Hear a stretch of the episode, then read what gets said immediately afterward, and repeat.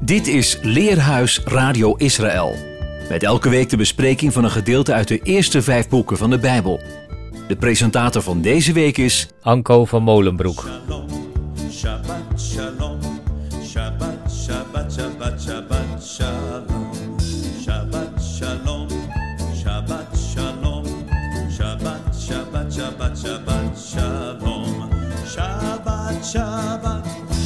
Shabbat, shalom, Shabbat shalom, Shabbat shalom, Shabbat, Shabbat, Shabbat, Shabbat shalom. Shalom luisteraars. De evangelist Johannes verhaalt hoe Jezus door Samaria moest gaan en onderweg bij Sichem stopte. Sichem was de eerste plaats waar de aartsvader Abraham woonde toen hij in het land Canaan kwam.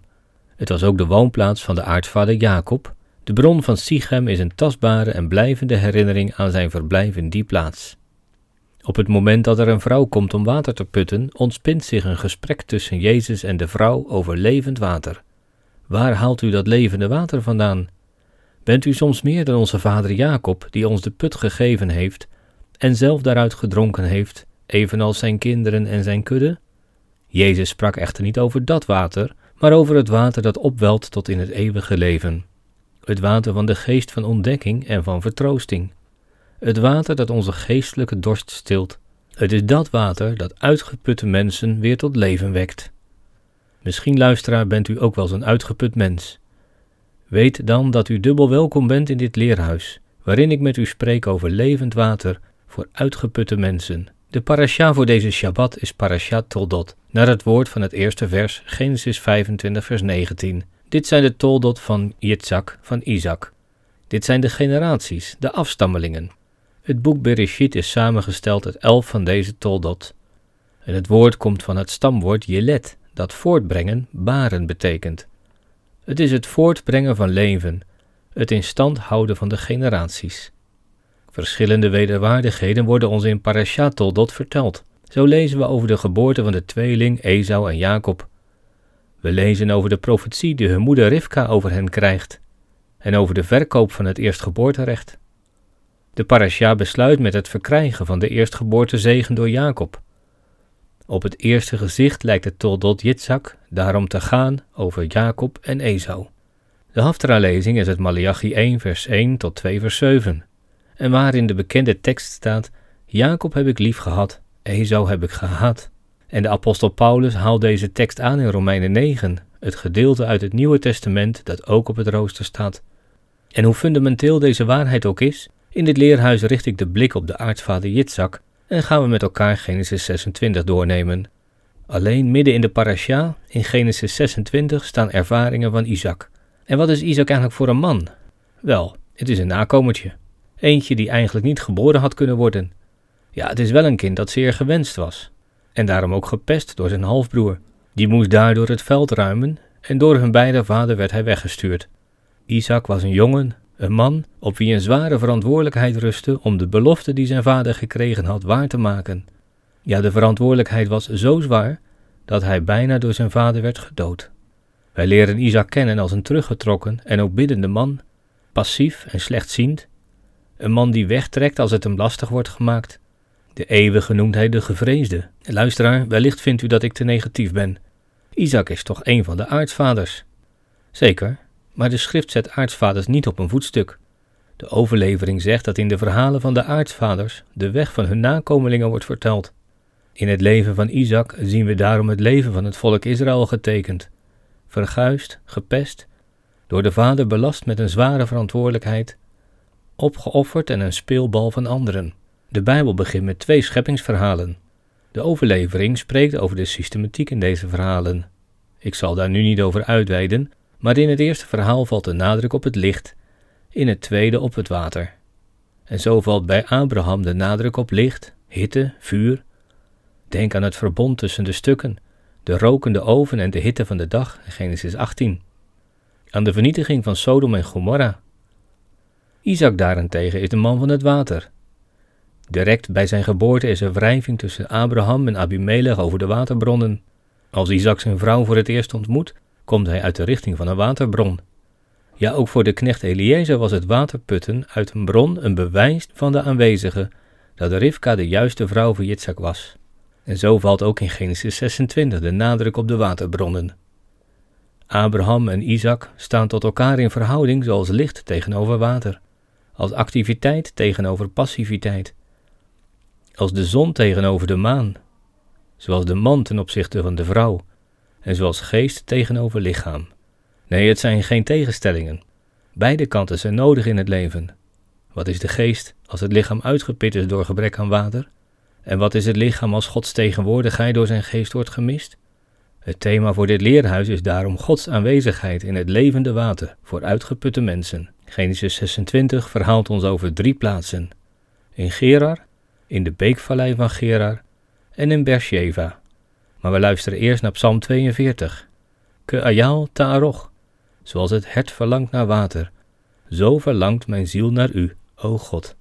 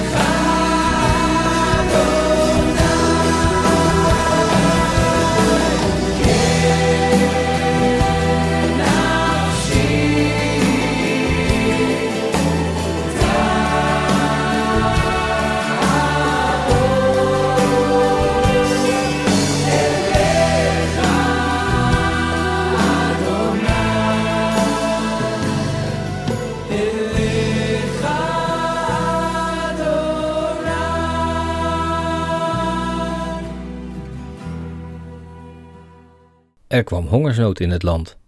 Een andere dan de eerste hongersnood die er in de dagen van Abraham geweest was. En daarom ging Isaac naar Abimelech, de koning van de Filistijnen, naar Gerar. En toen verscheen de Heere aan hem en zei: Trek niet naar Egypte, maar woon in het land dat ik u noemen zal. Honger ontstaat als er geen vruchten meer groeien op het land, als het land dor en mat van droogte brandt. Zo was er een hongersnood gekomen in de tijd van Isaac en de schrift verwijst direct naar de eerdere hongersnood ten tijde van Abraham. De overlevering zegt dat er tien hongersnoden in de Bijbel staan. Adam, Lamech, Abraham, Isaac, Jacob, Rut, David, Elia en Elisa. Dat zijn er negen. En de tiende is de honger naar het woord. In Amos 8 vers 11 lezen we, Zie er komen dagen, spreekt Adonai Hashem, dat ik honger in het land zal zenden. Geen honger naar brood, geen dorst naar water, maar om de woorden van de Heere Heere te horen. Ook al lijkt de honger bij Isaac een herhaling van een eerdere hongersnood, er zijn verschillen. Bij Abraham was het een beproeving, bij Isaac een demonstratie van Gods aanwezigheid. Isaac volgde het voorbeeld van zijn vader.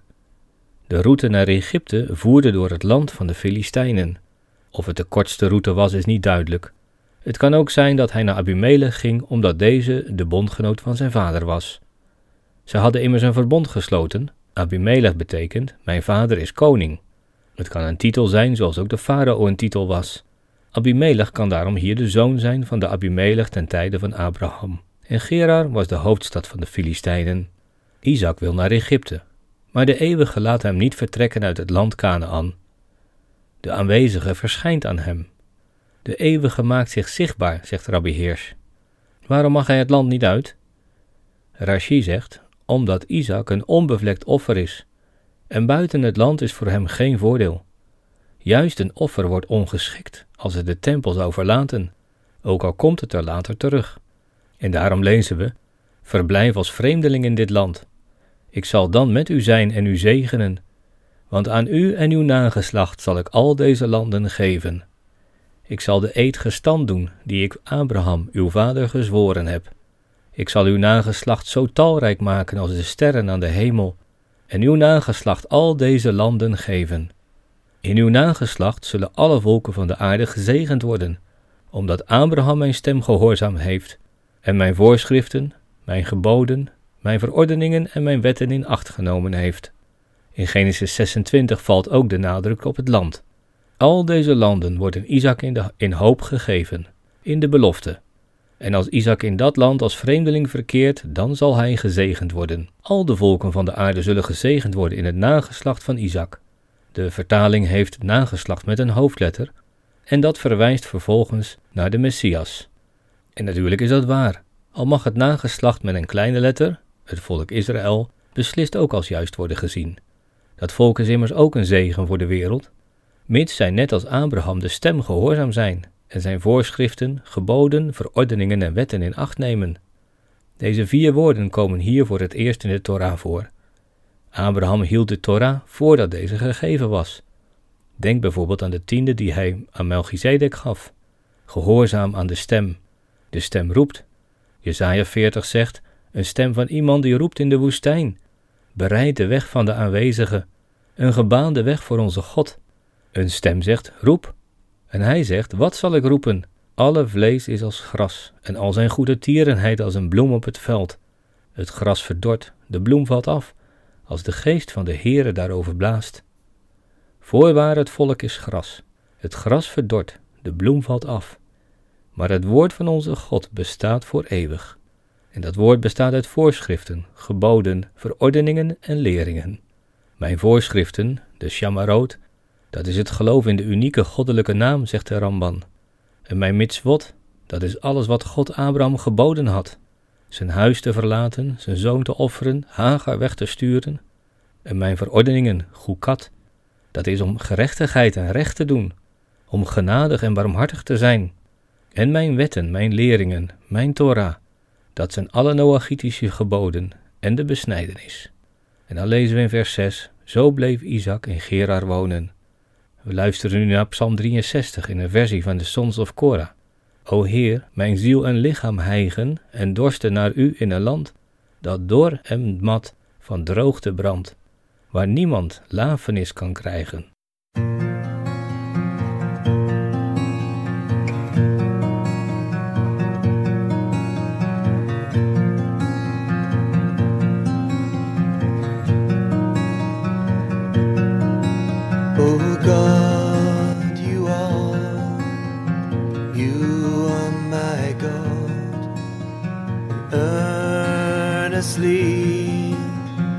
Seek for you, my Lord. My soul thirsts for you, my body longs for you. In a dry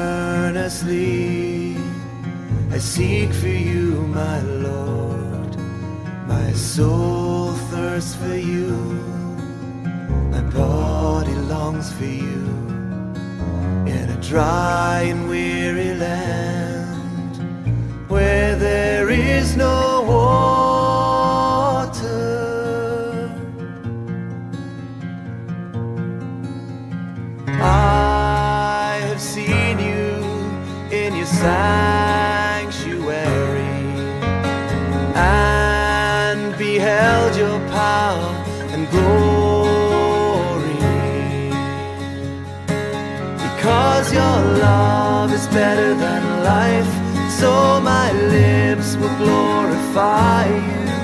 I will praise you as long as I live. In your name I will lift my hands,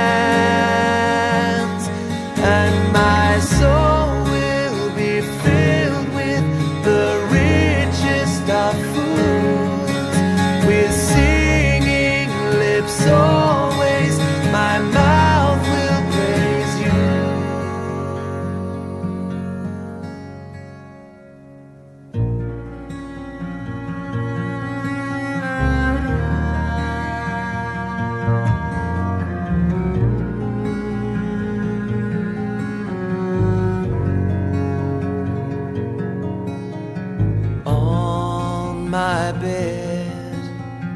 I remember you. I think of you through the watches of the night because you are my help. I sing beneath your wings. My soul clings to you, and your right hand upholds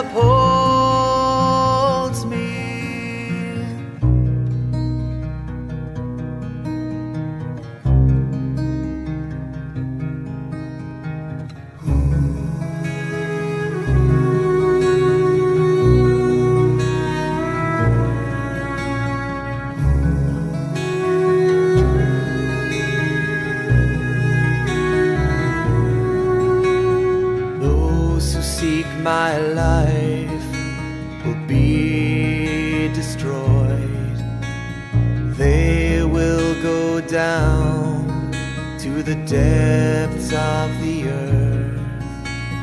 They will be given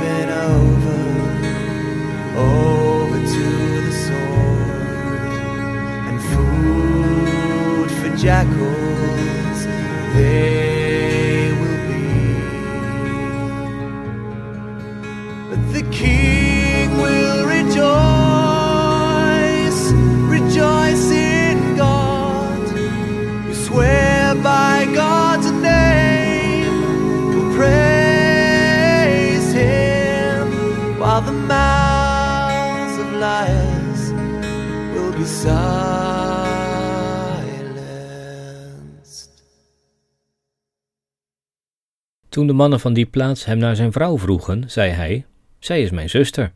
Want hij was bevreesd om te zeggen: Zij is mijn vrouw. Hij dacht: Anders zullen de mannen van deze plaats mij doden om Rebecca. Zij was namelijk knap om te zien. Toen hij daar al lange tijd geweest was, gebeurde het dat Abimelech, de koning van de Filistijnen, uit het venster keek en zag, en zie, Isaac was zijn vrouw Rebecca aan het liefkozen. Toen riep Abimelech Isaac en zei: Nee, maar, zie, zij is uw vrouw. Hoe kunt u dan zeggen, zij is mijn zuster? Isaac antwoordde hem, omdat ik dacht dat ik anders voor haar zou moeten sterven. Abimelech zei daarop, wat hebt u ons aangedaan? Hoe gemakkelijk had er één voor het volk met uw vrouw kunnen slapen? En dan zou u een schuld over ons gebracht hebben. En toen gebood Abimelech heel het volk, wie deze man of zijn vrouw aanraakt, zal zeker gedood worden. Abraham en Isaac deden hetzelfde. Ze zeiden dat hun vrouw hun zus was. Abraham deed dat omdat hij voortdurend in gevaar was. Dat was Isaac niet. Hij gebruikte het alleen als hij in Gerar woont. Sarah werd in de harem genomen, Rebecca niet. Hadden de Filistijnen iets geleerd van de geschiedenis met Abraham? Wie zal het zeggen? Op een zeker moment kijkt de koning van Gerar uit het raam. Rashi legt uit dat het woord Shakaf in de schrift altijd de notie heeft kijken met het doel om kwaad te brengen. Abimelech ziet dat Isaac zijn vrouw aanhaalt, liefkoost. Sagak, dat betekent plezier maken. Yitzhak doet zijn naam eer aan. Hij speelde met zijn vrouw, zegt een Engelse vertaling. Het was in elk geval duidelijk dat Yitzhak en Rivka man en vrouw waren. Blijkbaar was Isaac gerustgesteld en wat onvoorzichtig geworden. Abimelech spreekt Isaac aan op zijn woord. Je hebt gezegd dat Rivka je zus was en nu, zie, het is je vrouw. Wat doe je ons aan?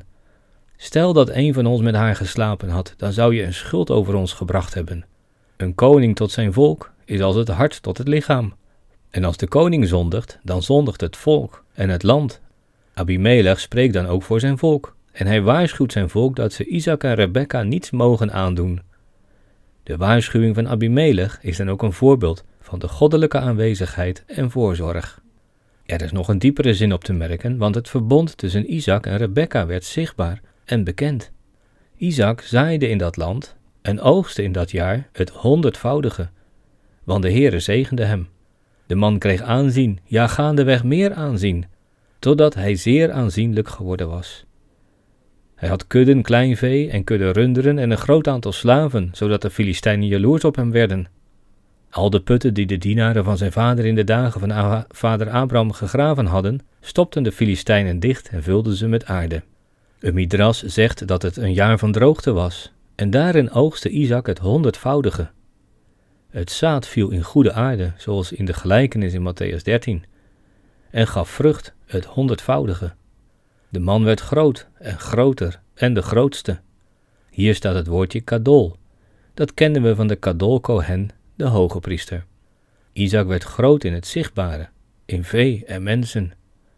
In tegenstelling tot Abraham staat er niets over zijn geldelijke rijkdom, het onzichtbare. Men zei dat de Filistijnen de mest van Isaacs runderen meer waard achten dan het goud van Abimelech. Geen wonder dat zijn grote welstand tot jaloezie leidde. Een rijk man is immer jaloers op een ander, in het bijzonder als het een Jood is, zegt Haamek Davar. Jaloers werden met name de mensen die in Gerar woonden, want logischerwijs woonden daar de meest welvarende mensen. Jaloersheid gunt de ander niets. Jaloersheid leidt tot destructie. Wij geen rijkdom? Dan zij ook niet. En de Filistijnen gooiden alle waterputten dicht met aarde. Waarom werden de putten dichtgegooid? Het kan de bedoeling zijn om de putten te verbergen. In een tijd van droogte konden deze putten ook de vijand dienen. Ook Isaac kon de vijand worden. Je zou het kunnen zien als een voorzorgsmaatregel. Andere uitleggers zien het wel als uiting van jaloezie. Een duidelijker signaal kun je immers niet afgeven, het is tijd om te vertrekken. Isaac moest wel weggaan om zijn kudde van water te kunnen voorzien.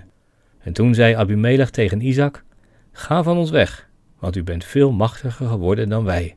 En zo komen we bij het tweede punt, in de beekvallei van Gerar. Toen ging Isaac vandaar weg en hij sloeg zijn kamp op in het dal van Gerar. Daar bleef hij wonen. En Isaac keerde terug en groef de waterputten weer op die zij in de tijd van zijn vader Abraham gegraven hadden en die de Filistijnen na de dood van Abraham dichtgestopt hadden. Hij gaf ze dezelfde namen als zijn vader ze gegeven had. Isaac gaat van de stad naar de vallei. Hij keert terug, staat er. Het Hebreeuwse woord voor dal of beekvallei is nagal. Het komt van een werkwoord dat erven betekent, of in bezit nemen. Mensen gaan wonen op een plek waar water is, in de beekdalen en bij de bronnen. Daar nemen zij het land in bezit. Daarom vormen beken en rivieren vaak de natuurlijke grenzen van een stuk land. Denk maar aan Jacob, die bij de Jabok aan de grens van Canaan staat. Verder zegt de aanwezige in Exodus 23, vers 30 dat hij de Hevieten, de Canaanieten en de Hethieten geleidelijk uit het land zal verdrijven, totdat het volk Israël zo talrijk is dat zij het land erfelijk in bezit naar Gal kunnen nemen. En Mozes bidt of de ene het volk aanneemt tot een erfelijke bezitting, naar Gal. Land en volk, zij horen bij de eeuwige. Isaac leeft nu op de grens van het gebied van Abimelech en het woongebied van zijn vader Abraham. Hij graaft de putten van zijn vader op. Welke dat zijn is niet bekend. Maar gezien de namen die de aardvaders aan andere plaatsen gaven, zullen de namen ook getuigenissen geweest zijn van de aanwezigheid van de ene. Hij is immers de springader van levend water, de bron van het leven. De Filistijnen dienden de afgoden. Deze namen van de putten waren een doorn in hun oog zoals ook vandaag de dag alles moet verdwijnen, wat herinnert aan de God van Israël. Zeven keer lezen we het woordje graven in dit hoofdstuk. Gafar. Een far betekent vruchtbaar zijn. En get is een grens. Dus je zou kunnen zeggen, het is de grens tussen leven en dood. En zo is het ook. Vind je geen water, dan is de dood nabij. De dienaren van Isaac groeven eens in het dal en vonden daar een put met opborrelend water. De herders van Gerar kregen daarop oneenigheid met de herders van Isaac en zeiden: Dit water is van ons. Hij gaf die put de naam Esek, omdat zij ruzie met hem gemaakt hadden. Vervolgens groeven ze een andere put, maar ze kregen ook daar oneenigheid over. En daarom gaf hij hem de naam Sitna.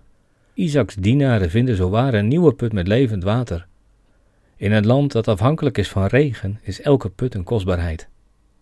De waterbron wordt daarom betwist. Maar de herders van Isaac vinden een nieuwe put. Ook daar wordt echter ruzie om gemaakt. Want de wet van de Filistijnen zegt dat alles aan de koning behoort, boven en onder de grond. Het gat is van jullie, maar het water is van ons. En men zegt echter dat de bron opdroogde toen de Filistijnen deze overnamen. De Filistijnen hinderen Isaac zonder verdere aanleiding. De eerste keer kon nog beschouwd worden als een incident. De tweede keer begint er zich een patroon af te tekenen. En toen brak hij van daarop en groef een andere put, en daarover kregen zij geen oneenigheid. Daarom gaf hij hem de naam Rechobot. Want, zei hij, nu heeft de Heere ruimte voor ons gemaakt, en zullen wij vruchtbaar zijn in dit land. Isaac trekt opnieuw weg en vindt een derde put. Die waterbron wordt niet betwist en draagt ook de naam Rechobot. Toen Jozua het beloofde land binnenkwam, kwamen ze aan de eerste grensstad Jericho. In die stad woonde een vrouw die Ragab heette. Rechobot en Ragab betekenen allebei hetzelfde: ruimte. Zie je hoe het patroon van de aardvader Isaac weer te vinden is in de geschiedenis van het nageslacht? Wij zullen vruchtbaar zijn in dit land. En Ragab is vruchtbaar geworden in het land. Zij is een van de moeders van de Messias geworden. Isaac trekt verder. Dat is het derde punt. De muziek die we nu eerst horen is van Elishava Shomron, With Clear Water.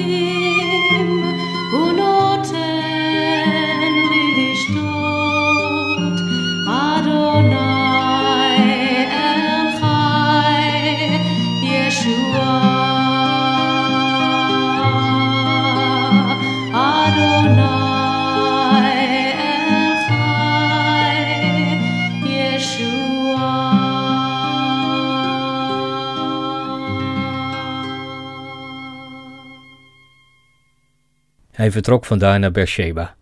Isaac maakt Alia. Het is het omhoog gaan als de reis naar de hoger gelegen gebieden van het land gaat.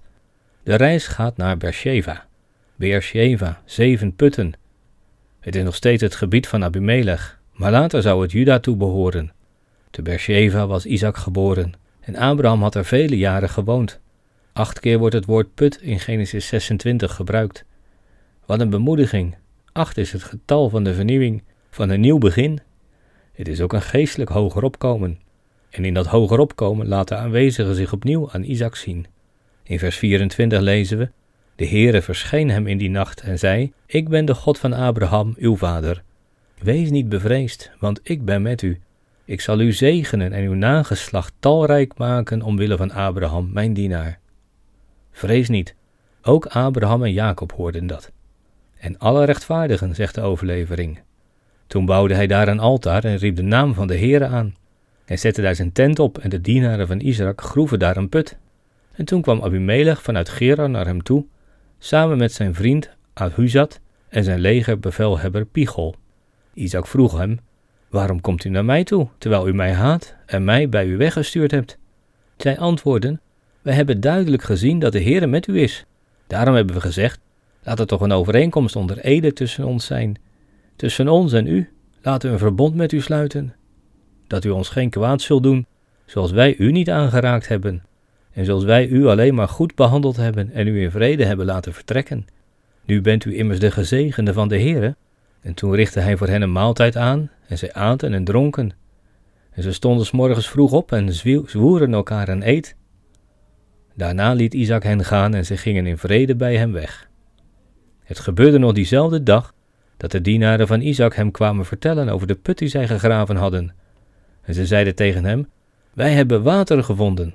Hij noemde hem Sheba, en daarom is de naam van die stad Beersheba tot op deze dag.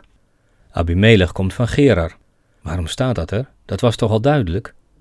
De overlevering wijst erop dat de uitdrukking van Gerar in een andere vocalisatie de betekenis heeft van gewond zijn. Men zegt dat de komst van Abimelech daarom niet vrijwillig was. Abimelech komt met zijn vriend en vertrouweling Ahuzat. Dat woord houdt verband met herder zijn. Wellicht was hij gesteld over al het bezit van Abimelech. Ook de legeraanvoerder is meegekomen, Pichol. Dat betekent sterkte. We vinden er het woordje pe, mond in, en kol, alles. Hij die het voor het zeggen heeft. De koning wordt vergezeld door mannen van wijsheid en kracht. En deze drie komen bij Isaac. Enigszins cynisch vraagt deze: Jullie haten mij. Jullie hebben mij weggestuurd. En nu komen jullie bij mij? Dat is toch een godspe? Maar deze mannen hebben blijkbaar iets gezien in Jitzak. De aanwezige is met hem. Hoe? Men zegt dat de bronnen opdroogden zodra ze in Filistijnse handen overgingen.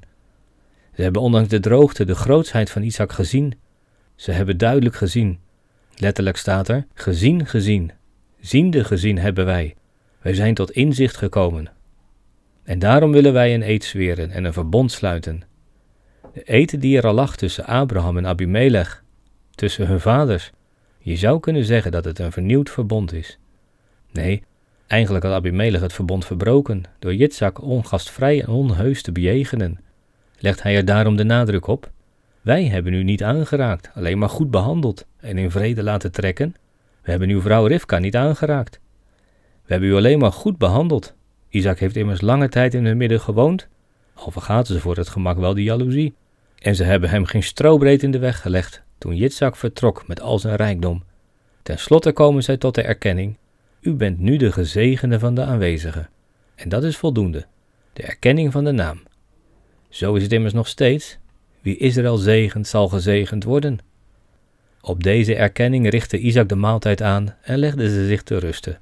De volgende dag werd een plechtige eed gezworen en laat Isaac hen in vrede gaan. Nog diezelfde dag hoort Isaac over de nieuwe put. Het is de zevende in dit hoofdstuk.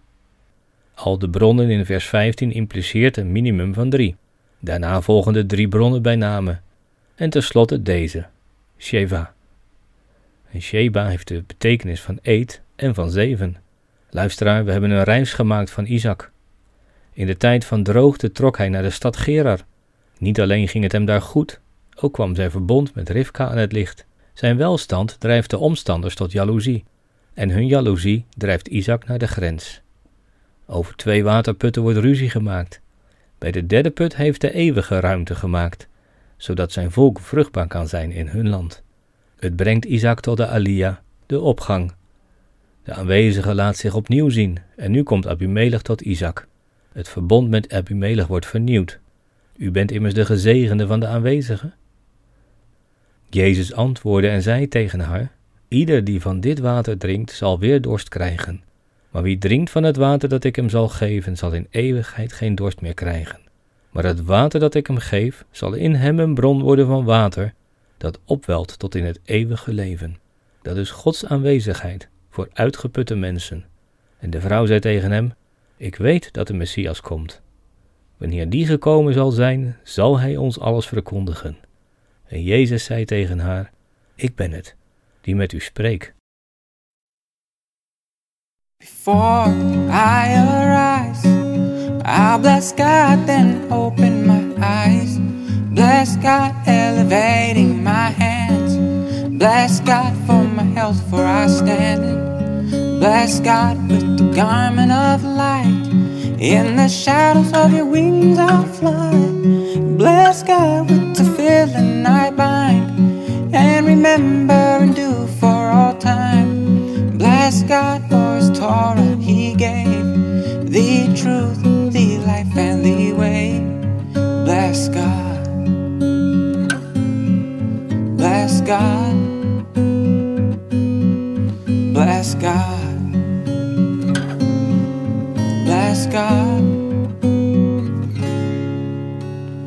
Hallelujah. Praise Hashem and bless his name. Bless God from upon the earth. Bless God from the luminaries. Then rise from the wings of angels.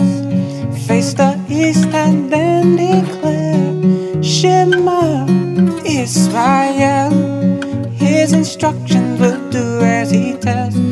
Trustworthy rock of Israel. Arise to our aid, arise. Bless God. Bless God. Bless God.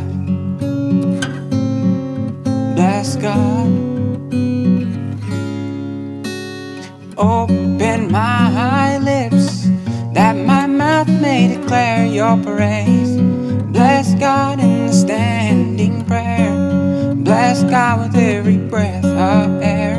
Bless God who is master of all. Chose us from every people and tongue. Bless God who will that day be one and so will his name. Bless God for Yeshua he gave. Long live